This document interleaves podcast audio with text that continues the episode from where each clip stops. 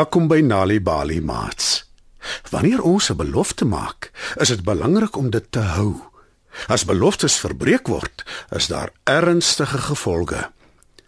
Dis waaroor vanaand se storie Die man met die blikfluitjie gaan.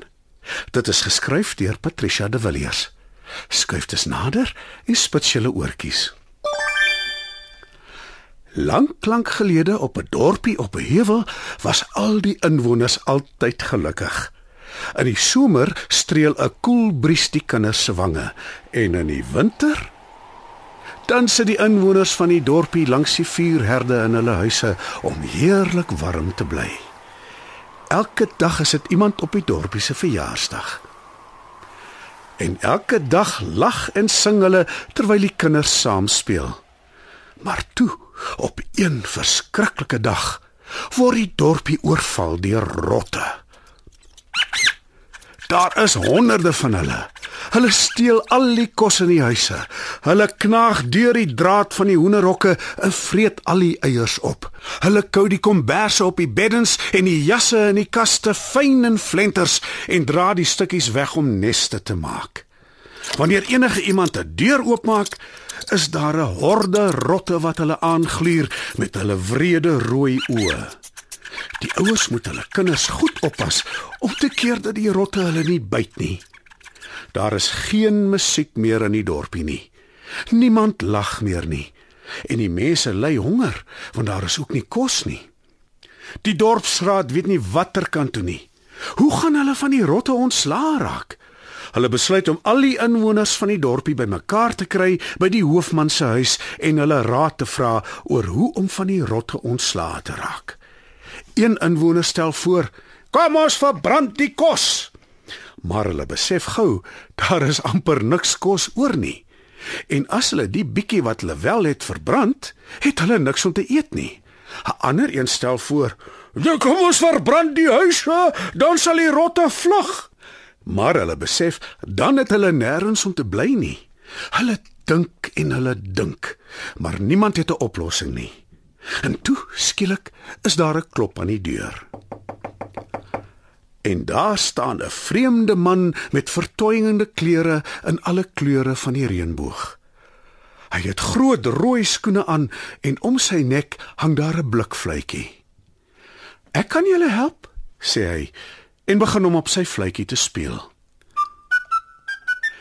Nie een van die inwoners het nog ooit so iets gehoor nie. Dit vertroos hulle en sommige van hulle raak selfs aan die slaap.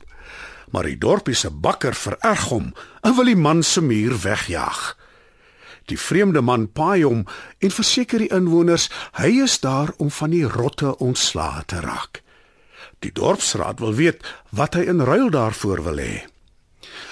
As ek van die rotte ontslaa raak, moet julle beloof om vir my 'n huis te bou, om julle kos met my te deel en my toe te laat om die res van my lewe hier te bly.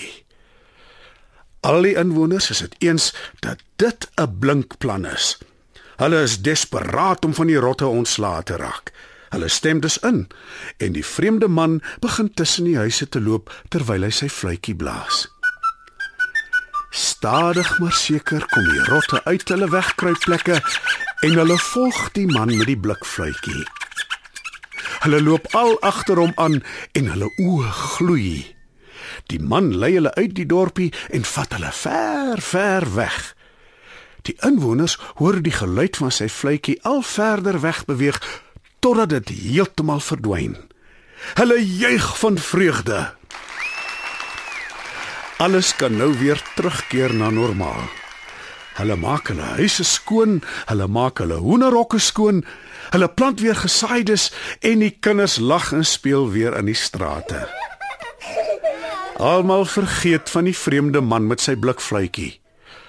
Totdat hy een lenteoggend onverwags by die dorpie opdaag. Die honde blaf, die koeie moo, die hoenders kloek en die voëls sing in die bome.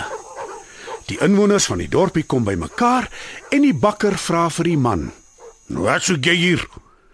Nog 'n inwoner beamoen sy woorde en voeg by: "Ja, dankie dat jy die rotte weggejaag het, maar ons het jou nie meer nodig nie."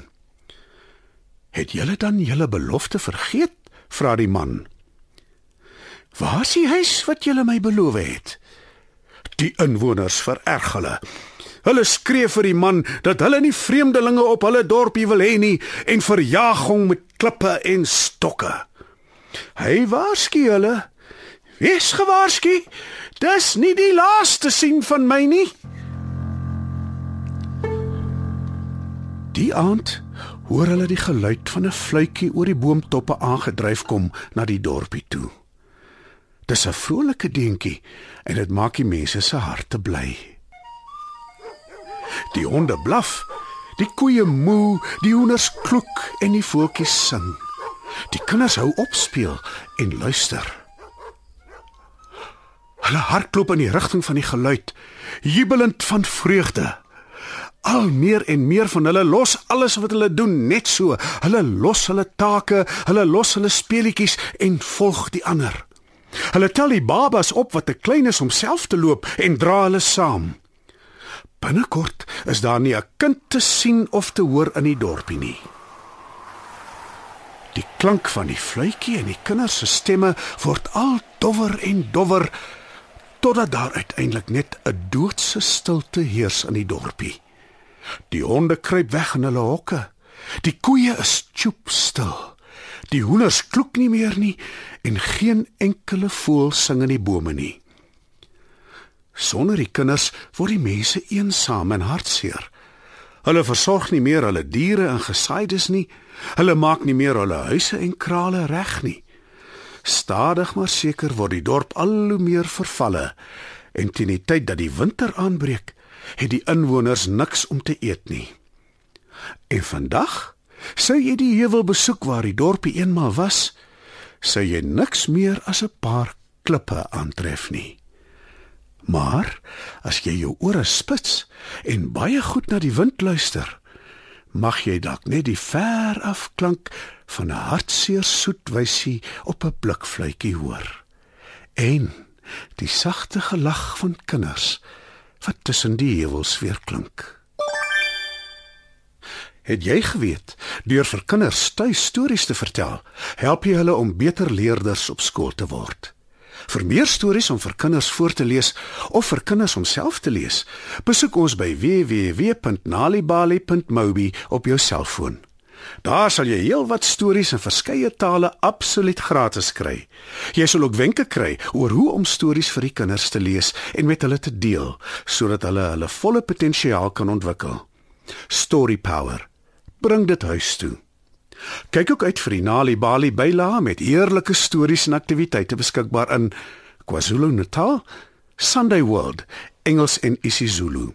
Gauteng, Sunday World, Engels en isiZulu. Vrystaat, Sunday World, Engels en Sesotho. Weskaap, Sunday Times Express, Engels en isiXhosa. Ooskaap, The Daily Dispatch Dinsdae en The Herald Donderdae, Engels en isiXhosa. Nali Bali is ook op Facebook.